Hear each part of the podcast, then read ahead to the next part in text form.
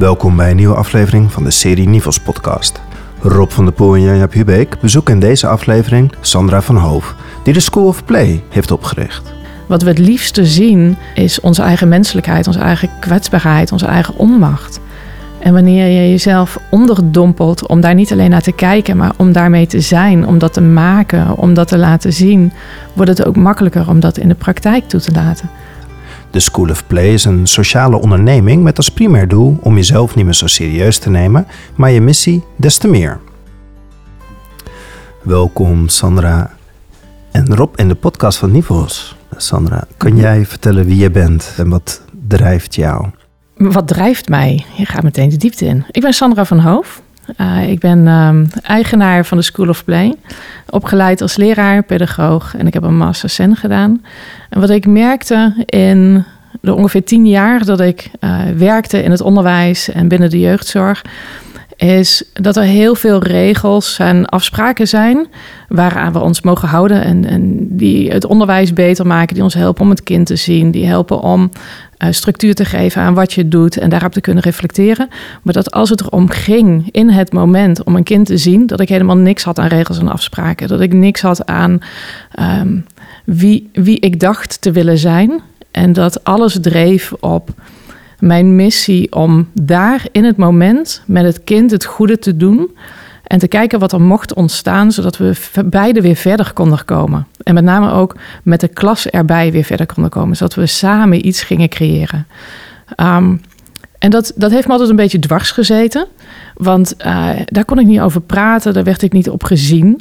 Um, en pas toen ik een, een, afstandje kreeg tot het onderwijs en ging kijken naar wat heb ik gedaan, daarop ging reflecteren, daarop ging bloggen, uh, merkte ik van hé, hey, maar het is heel waardevol wat ik daar heb gedaan. En hoe heb ik dat eigenlijk geleerd? Uh, en dat, dat bleek uit twee bronnen te komen. Eén, uit mij. Ik ben blijkbaar van nature uh, iemand die, die improviseert, die speelt, die um, als het ware theaterwerkvormen uh, bedenkt, gebruikt, zonder daar ooit van gehoord hebben. En aan de andere kant, omdat ik vanuit een hobby uh, met clownerie en improvisatie in aanraking kwam met, met spellen. En dat in de praktijk ging inzetten. En daarmee mezelf ging helpen beter te worden. En waar dat ik toen destijds in de praktijk zelf dus nog geen waarde aan hechten, maar achteraf zag: wauw, dit was precies wat er nodig is om deze kinderen te zien. We gaan zo meteen uitgebreid de diepte in over dat laatste wat je nu zegt, hè, om naar die kinderen te kijken. Even voor onze luisteraars, kan jij vertellen waar zijn wij op dit moment? Wij zijn in de School of Play in Wiegen, uh, net onder Nijmegen. Ik heb hier uh, wat praktijkruimtes waar dat ik met mijn cursisten, mijn, mijn studenten aan het spelen ben. Ik leer ze spelen op het toneel. We werken met theaterwerkvormen. En dat zijn docenten, uh, leidinggevenden, maar ook mensen uit de zorg, die in het doen ontdekken waar dat ze zichzelf nog tegenhouden, waar dat ze grenzen leggen aan uh, wie ze willen, willen zijn, hoe ze willen overkomen en daarin de flexibiliteit opzoeken en de vrijheid opzoeken om het leven als het ware door zich heen te laten stromen. Het is ook een mooi gebouw. Het is een schoolgebouw die bij, bij binnenkomst zag ik het woord broedplaats. Er zitten veel ja. kunstenaars, alle zitten er elkaar heen. Ja. Rob, even naar jou. Jij stuurt mij regelmatig op pad voor een Nivels podcast. Waarom heb je ons naar Sandra gestuurd?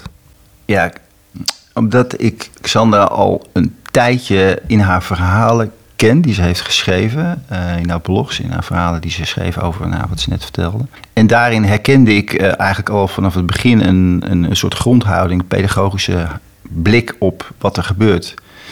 En ook een enorme bereidheid om daarin uh, steeds weer te kijken, ook in zichzelf.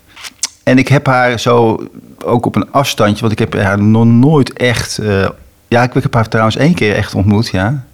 Waarin ze me ook raakte in haar openheid en kwetsbaarheid, uh, wat waarin ze dus echt zichzelf inbrengt. En dat is, vind ik, een belangrijk aspect van samen zijn, samen werken, samen leren. En ik ben gefascineerd ook door haar enorme zichtbaarheid nu in ook in, in de sociale media, waarin ze echt vanuit die, van die school of play, wat ze net vertelt, die playfulness, uh, dat begrip inhoud geeft en vorm geeft met anderen ook weer. En daar heeft ze visie op. Ja, daar ben ik dan benieuwd om daar eens een keer, of tenminste niet benieuwd, ja, ik ben ook weer benieuwd om haar daarin ook weer te ontmoeten. En jij zegt het begrip, welk begrip bedoel je dan? Playfulness. Het is ook een begrip wat, uh, ja, wat, wat terugkeert in het boek van, uh, van Rob Martens, wat ik samen met Rob uh, heb geredigeerd en gemaakt, zeg maar. En waar wij samen ook in op hebben getrokken. Dus daar ligt ook de link met het verhaal van Nivos. Ja. Sandra, professionele playfulness. Mm -hmm. Kan jij vertellen, wat, wat bedoel je daarmee? Of wat, wat, wat is dat voor jou? Playfulness is voor mij de vrijheid om te voelen dat het leven één grote speelplaats is. Dat het oké is, dat het veilig is, dat, dat wat er ook gebeurt, dat dat precies is wat er mocht gebeuren, omdat het jou als mens of jullie samen of de ander weer verder brengt. Het is alsof je als kind de natuur in gaat en denkt: ik ga een brug bouwen. En alle materialen die je tegenkomt zijn daarvoor geschikt. Je hebt alleen nog geen idee hoe dat die brug eruit gaat zien. Maar aan het eind van de dag of aan het eind van de week ontstaat er iets. En dat is een hele basale um, manier om in het leven te staan. Dus voor mij is playfulness niet zozeer gelinkt aan we gaan een spelletje doen of we gaan wat jij mag leren leuker doen. Het is veel meer het opzoeken van de innerlijke vrijheid en als het ware niet zo snel in overlevingsstand komen of het gevoel hebben dat er, dat er stress speelt of dat er iets moet gebeuren. En, en ontspannen samen zijn in wat mag er nu ontstaan? Wat, wat mag er nu aangekeken worden? In mezelf, in de ander of misschien als het om school gaat, uh, dat wat er in het leerboek staat. En ik denk als we willen leren, dat dat alleen maar kan in die in die mate van ontspannenheid. En daar wil ik mensen heen brengen. Uh, ik werk met professionals, dus vandaar zit altijd de link. Wat is voor jou de professionele playfulness? Waar heb jij deze ruimte te, te vangen om die anderen verder te helpen? Kan je een inkijkje geven in, in wat je dan doet? Want komen nog ook wel eens op scholen waar het spelen weg is of waarin als methode werd ingezet. En Mhm. dat is niet spelen, hè, wat jij net zegt. Kan je een inkijkje geven hoe mensen vanuit die praktijk bij jou binnenkomen en waar ze tegenaan lopen of waar hun verlangen ligt? Uh, waar het verlangen ligt, is bijna altijd om de verbinding met anderen weer te voelen. Om te voelen dat daar waar de ander een ander lijkt, te voelen, maar wij zijn samen in dit moment. Uh, en daarvoor gebruik ik heel vaak kleine oefeningen of oefeningen die uit improvisatietheater komen. Of ik laat ze gewoon simpelweg ervaren. Er is niet zozeer de ander, er is iets wat op dit moment mag ontstaan. Um, dan vraag ik bijvoorbeeld, kijk de ander eens aan en wanneer je de ander ziet bewegen, geef dan een kleine knipoog. Wat er gebeurt op het moment dat mensen naar elkaar knipogen, dan voel je je al gezien. Uh, je gaat je misschien ook afvragen: hé, hey, jij knipoogde, heb ik nu zojuist bewogen. Dus er zit ook een soort van vrijheid in. Als je vindt dat de andere knipoog nodig heeft, dan geef je die gewoon.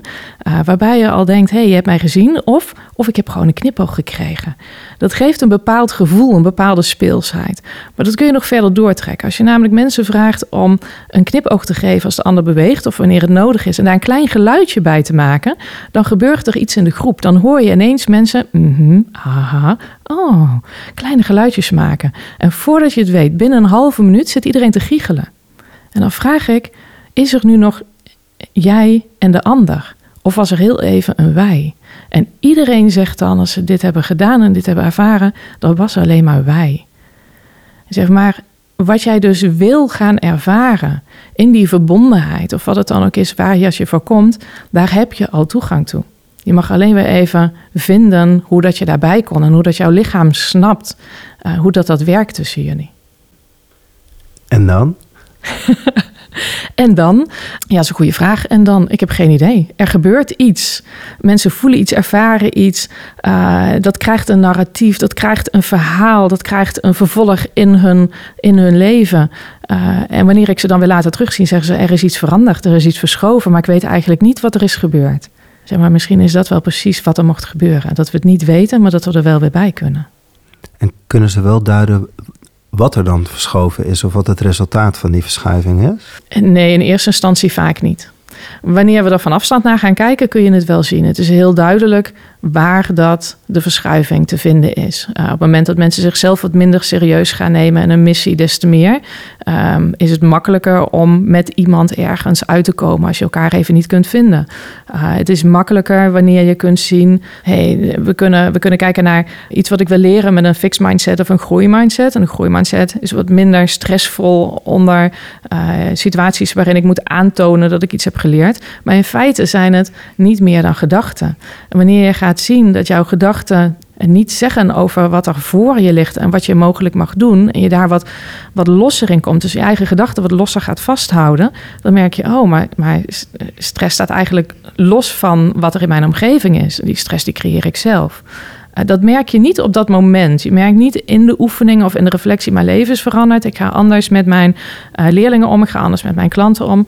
Maar wanneer je van afstand ernaar kijkt, dan merk je wel, oh, maar dat is, dat is hetgeen wat verschoven is in mij. Dat maakt ook dat als ik les geef, ik niet mensen ga leren in twee of drie dagen om meer playful te zijn. Want dan leer je het alleen maar op een cognitieve manier. Dan leer je het goed te doen. Dan, dan wil jij degene zijn die playful is. Maar zo werkt het niet. Dat, dat werkt eerder tegen je. Dus ik laat mensen het ervaren, ontdekken, ruimte geven, tijd geven. Ehm, in de loop der maanden, uh, om door ermee bezig te zijn, door erover te praten, zie je de verschuiving. Zie je ook afstand ontstaan van wat er in hun verschoven is. En merken ze, oh, maar dit is er aan de hand.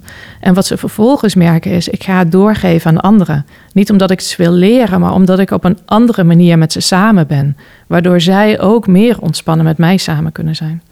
Waarom moest de School of Player komen? Waarom ben je hem gestart? Goeie vraag. Ik denk dat hij moest komen omdat ik heel graag met mensen wilde spelen.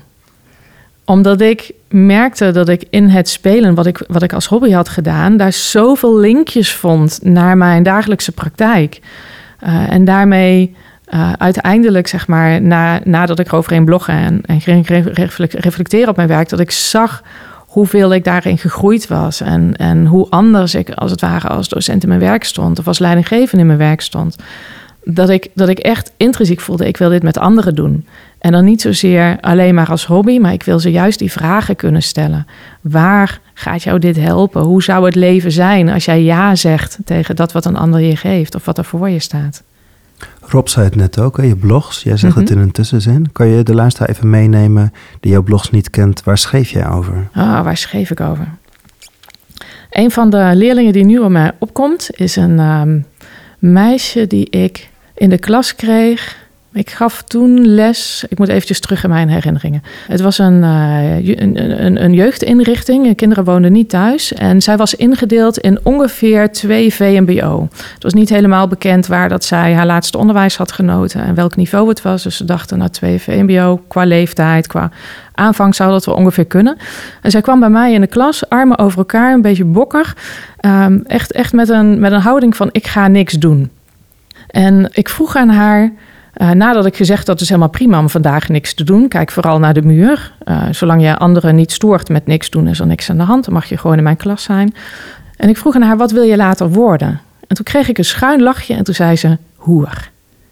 En toen dacht ik, joh, ik weet helemaal niks van prostituees. Wat moeten die nou laten leren? Wat moet ik ervan zeggen? Moet ik zeggen, dat kan niet. Weet je, een meisje van 14, dat, die gun je niet zo'n toekomst.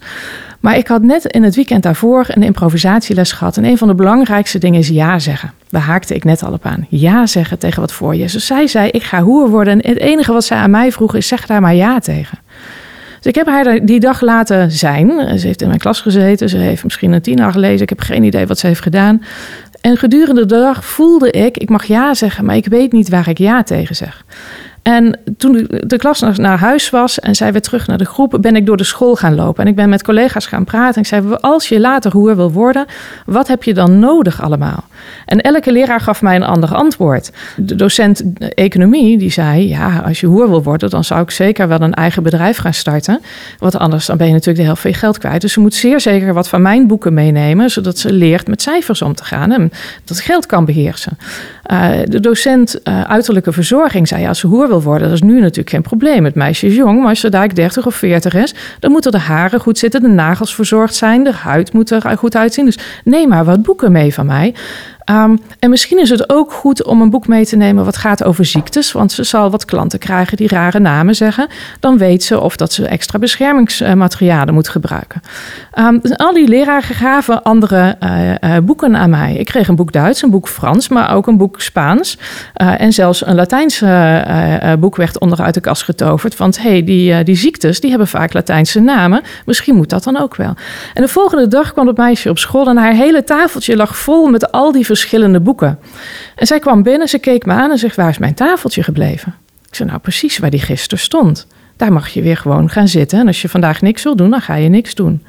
En ze kijkt nog een keer naar het tafeltje, kijkt nog een keer aan mij. Zegt ze, voor wie zijn die boeken? Ik zeg, die zijn voor jou. Dus ik leg haar uit waarom dat ik al die boeken had gekregen. En ik legde ook uit dat er nog een paar onderweg kwamen, uh, waren. Want niet alle leraren hadden de boeken in school. Dus de dag daarna zou het stapeltje nog wat groter zijn. En ze geeft een diepe zucht. Kijk naar dat tafeltje, kijk naar mij. Zak neer op de stoel en zegt: Als ik nou twee VMBO ga doen, juffrouw, hoeveel boeken krijg ik dan? En toen waren we er. En toen zei ik: In totaal krijg je van mij het eerste, de eerste paar maanden vijf verschillende vakken. Maar je begint met degene die jij vandaag het leukste vindt. En zo was aan de gang. Hey Rob, zo'n, zo'n, dat is nog wel een indringende post, die komt dan op het niveau. Wat voor reacties krijgen jullie daarop? Ik denk dat het enorm herkend wordt. Uh, een situatie als deze. En ook de, de vraag die dan, of het appel wat dan op een, op een leraar of een begeleider wordt gedaan. En waarin, waarin inderdaad geen standaard uh, antwoorden meer zijn te vinden. Uh, dat staat in geen enkel boekje, zeg maar, dit. Ik bedoel, dit is een inspirerend verhaal en het opent ook weer nieuwe perspectieven. Maar het is ook niet zo dat, dat het zo zou moeten of zo. Maar het is wel, het opent gewoon een, een, een, een nou ja, wat Sander eigenlijk nu uh, aankaart, dat ja zeggen dat kan verschillende vormen dan uiteindelijk, uiteindelijk krijgen. Maar dat ja zeggen, dat dat wel een heel belangrijk aspect is in het leven. Met alle weerstanden die dat soms uh, in jezelf dus ook oproept. Want ik kan me niet, dat is dan een vraag aan jou, Sander. Want jij gaat al langs allerlei leraren. Maar in hoeverre eh, krijg je daar een volledig ja direct op? Of is daar toch ook weer wat voor nodig? Om die vraag die toch wel even iets losmaakt, uh, ook bij jou denk ik, uh, om daar nou ja, in mee te gaan ik kan me niet meer exact herinneren hoe dat ik het de leraar heb gevraagd. Maar waarschijnlijk heb ik het ingeluid met... ik wil een geintje uithalen met een van mijn leerlingen. Wat hebben zij nodig aan materiaal? Om aan hun duidelijk te maken, het is geen serieuze vraag. Ik, ga niet, ik, ik wil niet een leerling opleiden uh, tot prostituee. Maar ik ga wel mee in deze waarheid. En als dat eventjes de waarheid is waarmee we mogen zijn... wat is er dan nodig? Dus ik heb daar eigenlijk geen weerstand in ervaren. Weerstand is wel een heel interessant aspect. Um, wanneer je het hebt over het werken met mensen en het herkennen wat gebeurt er in mijzelf. Um, ik moet terugdenken aan een jongen die bij mij in de klas kwam met een hele harde stem. En nou is een harde stem natuurlijk fantastisch als je op de markt staat uh, en heel hard kunt roepen wat jij aan waren uh, in de aanbieding hebt. Maar in de klas is het soms hoe ga ik dat vriendelijk zeggen, als, als docent niet helemaal gewenst. Dus deze jongen kwam bij mij in de klas en ik ben eh, eigenlijk in de eerste pauze meteen naar hem toe gegaan. Ik zeg, ik ga nu alvast mijn excuses aan je aanbieden. En hij zei, waarom dan? Ik zeg, omdat ik heel vaak jouw kant op ga kijken, of jou de schuld ga geven voor herrie in de klas, voor gepraat, terwijl jij waarschijnlijk niet de aanstichter bent. Dus als ik jou weer aankijk, zou jij mij een seintje willen geven wie dat er is gestart? Gewoon even een, een, een, vinger een richting in. Dan weet ik waar dat ik heen kan kijken. Zeg, want jij trekt mijn aandacht. En ik zou het gemeen vinden als ik alles bij jou neer ga leggen. Ehm, en dat deed hij natuurlijk heel graag. Het was een nieuwe leerling, dus die heeft de eerste twee weken daar giftig gebruik van gemaakt. Om ehm, links en rechts te wijzen uh, wie dat de leerlingen waren die, die, die het gesprek met hem aangingen. En op een gegeven moment kwam in mij ook weer zo'n inwendig, hmm, zou hij ooit naar zichzelf gaan wijzen dat hij het is gestart? En ik twijfelde, zal ik je dit nu al meteen gaan noemen? Maar ik merkte wel in de manier waarop ik hem aankeek, dat ligt een vraagteken. En weet, weet je het zeker waar dat het vandaan kwam? En binnen een dag nadat ik dat voelde en nadat ik dat uh, indirect met hem aan het communiceren was, ging op een gegeven moment inderdaad de vinger naar zichzelf en zei de juf, deze was ik zelf gestart, het spijt, maar ik zal stil zijn. En we waren het spelen. Maar dat kon alleen maar doordat ik naar mezelf keek. En, en ook al benoemde, hier heb ik moeite mee. Excuus dat ik hiermee als het ware in mijn eigen irritatie schiet. Ik wil dat je dit weet. Want het ligt niet aan jou, dit is wat er bij mij speelt. Wat je van mij ook deelt nu, hè, in dit voorbeeld, is dat je, je hebt ook een vraag, een hulpvraag eigenlijk aan een, aan een leerling dat zit daarin. Dus je, je zet je eigen opgave om contact te blijven met, met de klas, mhm. zet je eigenlijk in en je vraagt hulp om daar een. Precies, we doen het en samen. zonder dat het een hulpvraag is van uit een soort slachtofferrol, maar echt een, een inspirerende hulpvraag. Hè? Van dat, je, nou ja, dat je samen daardoor komt. Dat je andere mensen betrekt in jouw opgave of in jouw vraag. Ja, dat hoor ik erin. En dit is het gedeelte wat ik uh, mensen graag leren op het podium. Op, om, omdat wanneer je met een ander op het podium staat, kun jij wel willen schitteren. Maar het stuk wordt nooit zo mooi en het zal nooit zo goed ervaren worden als dat je het echt samen kunt laten ontstaan. Dus we hebben die ander nodig. Daar waar we een ander ontmoeten, mag je het samen gaan doen. Kun je niet meer alleen. Ja, maar eh, en volgens mij, wat ik hoor, is je brengt jezelf in. Je verschijnt zelf in dat samen. Dus in veel dynamiek is er soms een startpunt waarbij een vraag stelt: hè, we, gaan, we willen iets doen, maar er wordt niet ingezet. Er wordt een soort lege ruimte uh, gecreëerd. En er is een soort terughoudendheid van, er wordt veel in de we-vorm gesproken. En wat jij doet is eigenlijk de ik in de wij uh, direct leven. Zo hoorde ik hem. Nou ja, als je aangesproken voelt gelijk dat je welkom bent of zo. Of dat je binnengelaten wordt. Of waar, waar merk je dat dan? Je leeft, wat mij betreft, het zijn natuurlijk woorden, maar je leeft echt direct vanuit een soort verbondenheid. Je beseft dat je, dat je samen optrekt en dat je je eigen, ja, je eigen kwetsbaarheid, je eigen openheid, je eigen vraag durf je in te zetten. Dus, maar nogmaals, zonder vanuit een soort slachtofferrol van om, om, om gered te worden. Ja, precies. Dat is het dus niet. Dus het is, een, het is een hele andere energie eigenlijk. Het is een inspirerende energie. Waarbij je denkt, waar je eigenlijk als toehoorder alleen maar ja. Je voelt ja, natuurlijk. Dat gaan we doen. Ja. En volgens mij komt dat omdat je niet alleen de anderen welkom heet, maar ook alle delen in jezelf welkom heet die je waarschijnlijk liever buiten de deur wilt houden. Je zegt welkom tegen het gedeelte van mij wat misschien te snel conclusies trekt. Of welkom aan het deel van mij wat, wat zich onzeker voelt. En als die er mogen zijn van jou, tuurlijk mag het er dan zijn van de ander. Want die herkent die delen ook in zichzelf. En die voelt alleen maar veel meer rust. Oh, als het er van jou mag zijn, mag dat gedeelte van mij er misschien ook wel zijn. Het gedeelte wat ik liever niet laat zien. Waar heb jij dit ontdekt? In het spelen op het podium. Ja, en in het, uiteindelijk ook in het reflecteren natuurlijk op mijn werk. Om het uh, heel gedetailleerd, even mijn cursisten noemden het, het is voelen op op de centimeter. En het is op een andere manier reflecteren op wat je doet. Het is niet zozeer reflecteren om aan te tonen dat je iets kunt of dat je het goed hebt opgelost. Het is misschien zelfs wel reflecteren, ik heb iets gevoeld en ik heb daar niks mee gedaan. Ik heb het buiten spel gelaten. Wat jammer eigenlijk. Wat zou er gebeurd zijn als ik, als ik dat in had gebracht? En we zien op het podium door te kijken naar anderen hoe fantastisch het is wanneer al die stukken worden ingebracht. En wanneer er gespeeld mag worden met dat wat eigenlijk buiten schot blijft. Als we kijken naar, naar films en, en theater, wat we het liefste zien is, is onze eigen menselijkheid, onze eigen kwetsbaarheid, onze eigen onmacht. En wanneer je jezelf onderdompelt om daar niet alleen naar te kijken, maar om daarmee te zijn, om dat te maken, om dat te laten zien, wordt het ook makkelijker om dat in de praktijk toe te laten. Ik ben er eigenlijk heilig van overtuigd dat daarmee wat er ontstaat tussen jou en degene met wie je werkt, op welke manier dan ook, dat dat, dat, dat rijker wordt. En dat het gaat leven. En dat is wat ik mee wil geven. Ik vind het interessant waar de spanning misschien ook voor jou soms ervaren wordt. Want je kan natuurlijk hè, met allerlei werkvormpjes of een vak hebben van nou, dat mhm. gaan we eens even vandaag doen, één uur. En dat vind ik ook het, het fijne wat ik ook hoor, dat ook het spelen, weet je, niet een spelen op zichzelf is, maar dat het ingebed is, zeg maar. Uh, maar er zit wel een spanning in. Ervaar je, dat, ervaar je dat zelf of heb je dat ervaren?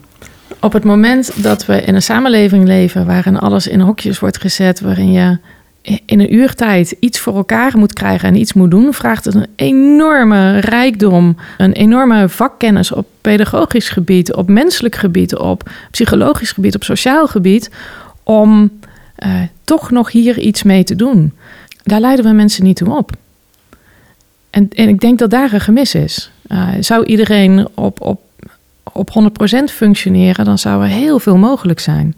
Maar ik denk dat dat we allemaal mens zijn en dat we allemaal lerend zijn. En dat we aan het eind van onze carrière misschien wel meer geleerd hebben dan aan het begin. Maar dat wil niet zeggen dat je aan het begin niet voor de klas kunt staan. Dus we mogen het systeem makkelijker maken om hiermee te zijn. Om de ander weer te zien. Om talenten te kunnen vangen. Om problemen samen op te lossen. Te kijken wat werkt wel. En dat is niet de samenleving waarin wij leven. In, in, in bepaalde mate hoop ik dat de samenleving zo verandert dat de School of Play uiteindelijk niet meer nodig is, omdat we dit allemaal met z'n allen al als het ware doen. Waar ik mensen wel toe uitnodig is, kijk eens binnen je eigen situatie, wat is het kleinste wat je al kunt doen? Heel veel mensen denken in problemen en denken ook in grote oplossingen, terwijl het vaak het kleine is. Uh, kinderen met uh, met faalangst bijvoorbeeld, kinderen die het moeilijk vinden om zichzelf te laten zien. Uh, als ik dan met docenten praat, die zeggen: Ja, ik gun zo'n kind iets anders. Dan denk ik, nou ja, ik gun een kind zijn eigen emoties. En als dat angst is, dan is dat prima. Daar hoeft eigenlijk niks aan veranderd te worden. Maar ik snap wat je zegt. Je gunt een kind wat meer vrijheid daarin. En vervolgens vraag ik wat is de oplossing? En dan komt het meestal met een extern traject of met meerdere gesprekken met iemand in school. En daar hebben ze zelf geen tijd voor. En dan voelen ze zich al, alweer als het ware incompetent worden. En toen zei ik, maar het kleinste wat je kunt doen aan een kind, of bij, met een kind, is bijvoorbeeld wanneer je tekening aan de muur hangt, te vragen welke kleur papier daarachter mag. Zes tekeningen op één groot fel gekleurd papier. En wanneer een kind een keuze maakt, en, en elke keuze is goed, het maakt niet uit of dat het op een geel papier hangt of een blauw, een blauw papier of rood papier, maar een kind heeft een, heeft een keuze gemaakt. En het kind zal, wanneer het de weken erna in de school komt, zien, mijn keuze hangt aan de muur. Dat kost geen tijd. Het kost misschien even een moment van wachten. Het kan zijn dat er pas na een paar dagen een, een, een kleurkeuze uitkomt. Um, maar het kost geen extra moeite. Het, het heeft geen, geen ruimte in je werkdag, als het ware. Terwijl je wel heel veel doet. En je weet op dat moment, dit hebben wij samen gecreëerd. Dit is voor jou. Je ziet het kind echt. Ja. Hoe zou dat eruit zien als de school of play niet meer nodig is? Hmm. Ja, dan zien wij elkaar. Dan zien we onszelf. Dan mogen we er zijn. Ik weet niet, het voelt liefdevol vredig, denk ik. Ik hoop ook dat mensen dan makkelijker met elkaar kunnen zijn en kunnen bespreken waar ze tegenaan lopen, zonder dat er als het ware vinger gewezen wordt: Oh, ben jij die leraar die daar nog tegenaan loopt? Dan gelukkig ben ik verder.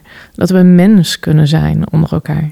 Wat krijg je terug van mensen die de School of Play hebben afgerond en wat geven zij terug? Uh, over het algemeen wordt de vrijheid beschreven. De vrijheid die ze innerlijk ervaren, gevoel van stress wat afneemt. Een algemene, de wereld is een mooie plek.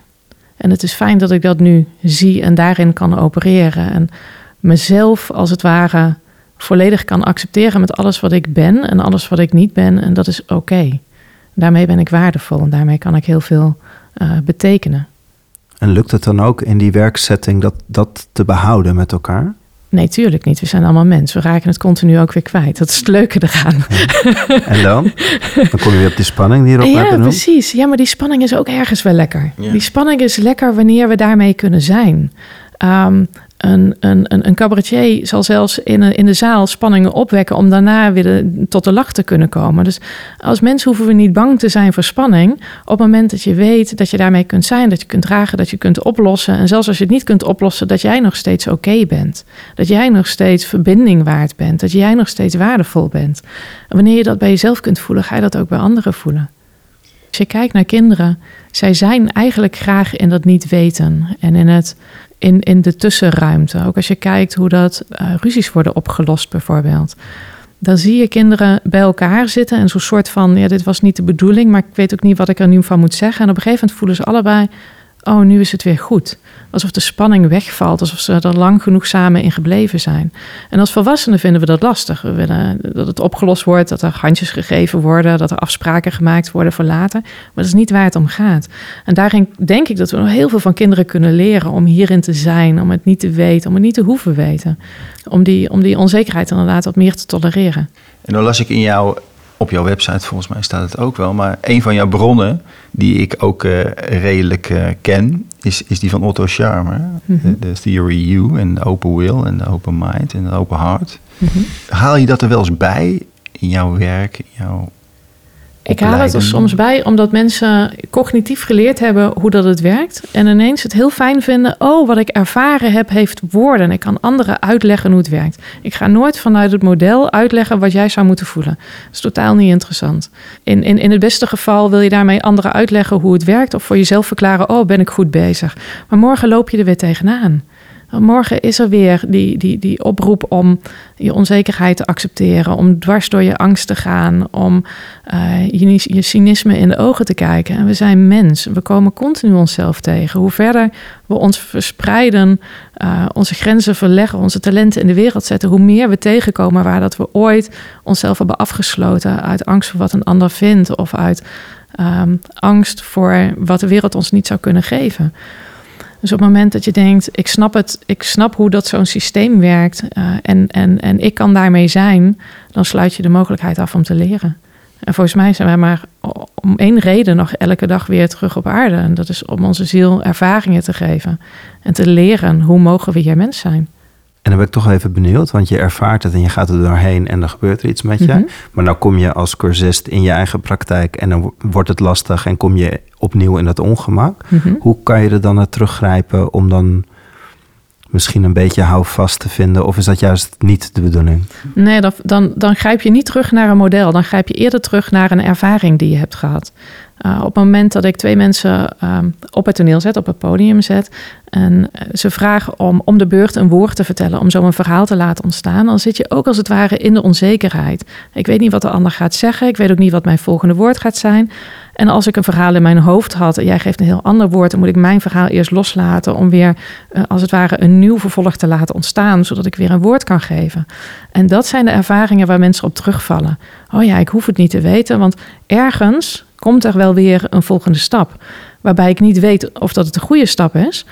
Maar dat ontdekken we over vijf minuten wel weer. En dan pas ik dan wel weer aan, ehm, zodat het weer klopt. En, en dat is een soort van gemak wat je fysiek kunt trainen. Je kunt echt gewoon je zenuwstelsel trainen om hier makkelijker bij te zijn. Terwijl we het eigenlijk allemaal afgeleerd hebben. Kinderen kunnen dit allemaal die improviseren en ze doen maar wat en ontdekken dan, hé, ik ben ineens aan het lopen, ik ben ineens naar koekjes aan het grijpen. En als papa en mama zeggen dat dan niet mag, ga ik mijn stem gebruiken, want als ik het dan heel lief vraag, dan zijn ze daar nog gevoelig voor. Dus we gaan weer terug naar de wijze waarop we natuurlijk in de wereld staan. Een stap voor stap ontdekken. Uh, wat mag er gebeuren? Wat mag er nu zijn? En daarbij omarmen wat je voelt. Het is het eerste jaar van de vakopleiding. Mhm. De opleiding duurt twee jaar. Ja. Kun je ons even kort meenemen in wat doe je ongeveer in die twee jaar? We spelen. Ik laat je gedurende twee jaar spelen. In het eerste jaar met name ervaren hoe reageert mijn lichaam? Waar kan ik al bij zijn? Hoe kan ik mijn, um, mijn comfortzone als het ware verleggen op een speelse manier? Omdat ik daarmee wil zijn. Niet zozeer omdat een ander mij daarin iets wil leren. En in het tweede jaar koppel ik daar steeds meer theorie aan vast. Um, pedagogische theorieën, uh, psychologische theorieën. Zodat je begrijpt waar dat um, als het ware de vrijheid is ontstaan. En wat dat mensen geeft om daar mee te zijn om op die manier in het leven te staan. Want leven vraagt je niks anders dan het te omarmen, om het te leven, om er mee te zijn. Ehm, en het is soms heel handig om daar woorden voor te hebben, om tekst te hebben, om anderen uit te leggen wat je gaat doen, uh, om anderen uit te leggen waarom dat het waardevol is. Dus wat ik geprobeerd heb in mijn opleidingen is uh, theorieën erbij zoeken. Waar liggen de bruggetjes? Waar kunnen we aangeven hoe een model waardevol is en waar dat het weer gaat schuren, waar dat het um, grenzen neerzetten die eigenlijk niet nodig zijn. Ik zie wel eens in de praktijk dat uh, de groeimindset gaat schuren bij docenten die leerlingen willen stimuleren om een groeimindset aan te nemen. Omdat ze dan ja, eigenlijk in het doorzetten, als het ware, weer een fixed mindset gaan creëren. Je gaat weer uh, willen bewijzen dat je een groeimindset hebt. Uh, en, dat, en dat kan niet. Een groeimindset is niet te bewijzen in die zin. Het is een gedachte die je hebt. En ik, ik hoop dat je als mens vandaag een andere gedachte kunt hebben als morgen. En op, op verschillende gebieden in het leven verschillende gedachten mag hebben, zelfs al gaan ze over winnen of verliezen. Um, en dat we allemaal meer rijk zijn als mens dan een theorie als het ware uh, zwart-wit neer wil zetten.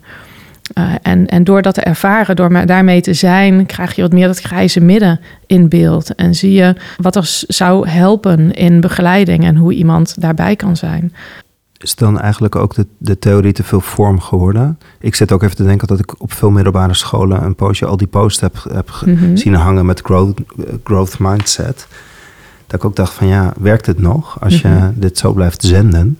precies, alles wat vorm krijgt, uh, sluit, sluit iets anders buiten en heeft daarmee te weinig speelruimte.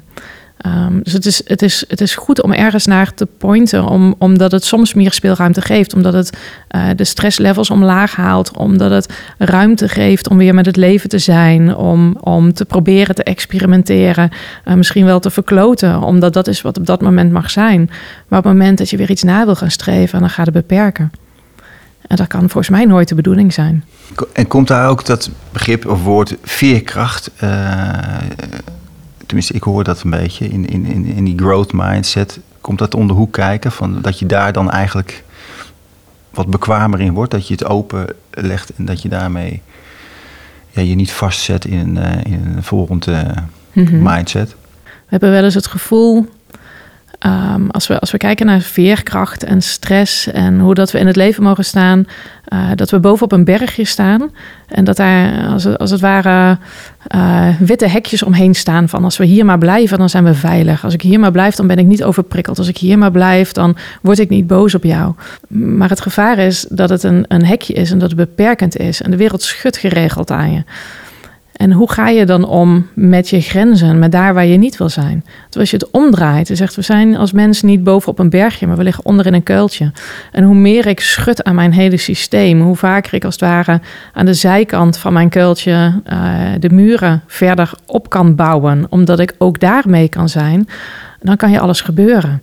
En dan weet je ook, als ik dan van links naar rechts in mijn kuiltje slinger, ik kom altijd weer onderin in balans uit. Daar hoef ik niet naar te streven. Dat is mijn basisstaat. Mijn basisstaat is verbinding. Mijn basisstaat is ontspanning. Wat er ook gebeurt.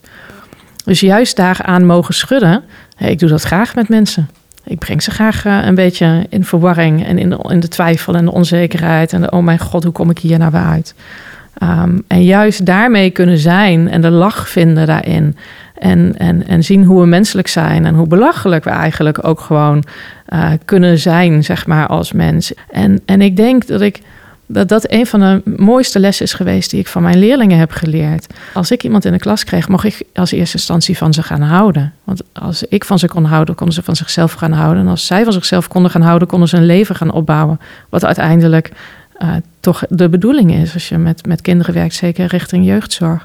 Maar dat vroeg soms nogal wat van mij. Kan ik van dit kind houden? Kan ik werkelijk met jou zijn? Kan ik alles accepteren wat jij mij voor de voeten gooit? En, en heel eerlijk, het antwoord was soms de eerste dagen nee. En, en hoe kan ik het dan toch voor elkaar krijgen? Ja, dan moet ik naar mijn eigen belachelijkheid en mijn eigen, oh mijn god, maar daar wil ik niet mee zijn. En als ik het daarover kon hebben met die kinderen, ja, maar als ik dit voor jou accepteer, dan betekent het dat ik iemand ben die ja, misschien overkomt alsof ik over me heen laat lopen, die niet alles in, in, in, in, in, in, in de hand heeft. Hoe kan ik dan hier een goede docent zijn? Hoe kan ik er voor jou zijn? Want dit is wat ik graag wil voor je. En die kinderen voelden mijn intentie.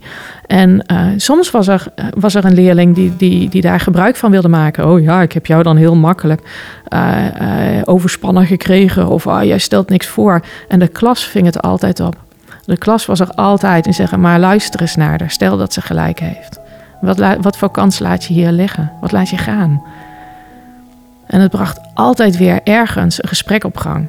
En nooit een oplossing. Een oplossing is altijd maar voor één moment of voor één dag. Maar het bracht er een gesprek op gang. En de volgende dag kon ik op dat gesprek terugkomen. En, en, en, en voordat we het wisten, ging ik van ze houden, omdat ik genoeg gesprekken had gehad. En ging snappen hoe dat zij in de wereld stonden. En dat dat niks zei over wat ik niet wilde zijn. Of hoe ik mogelijk een slechte docent was. Het vroeg iets van mij met dat kind in het moment. En daar mocht ik bij zijn. Mag ik je dan danken voor dit bijzondere gesprek, Sandra? Mm -hmm. Dank je wel. Ja, dank je wel. Dank je wel. Ik vond het heel leuk. Ja. Mooi hoor. Deze podcast is er eentje uit de Nivels podcastserie. Stichting Nivels sterkt leraren en schoolleiders bij de uitvoering van hun pedagogische opdracht. Het Nivels opereert langs vier pijlers. De Nivelsopleidingen, het Nivels Podium, het online platform Het Kind en de Nivels Denktank. Like deze podcast of geef een aantal sterretjes mee, zodat meer mensen deze podcast makkelijker kunnen vinden. Meer podcasts zijn ook te vinden op www.nivels.nl/podcast. Hoe dan ook, we nodigen u graag uit voor een volgend gesprek in deze serie.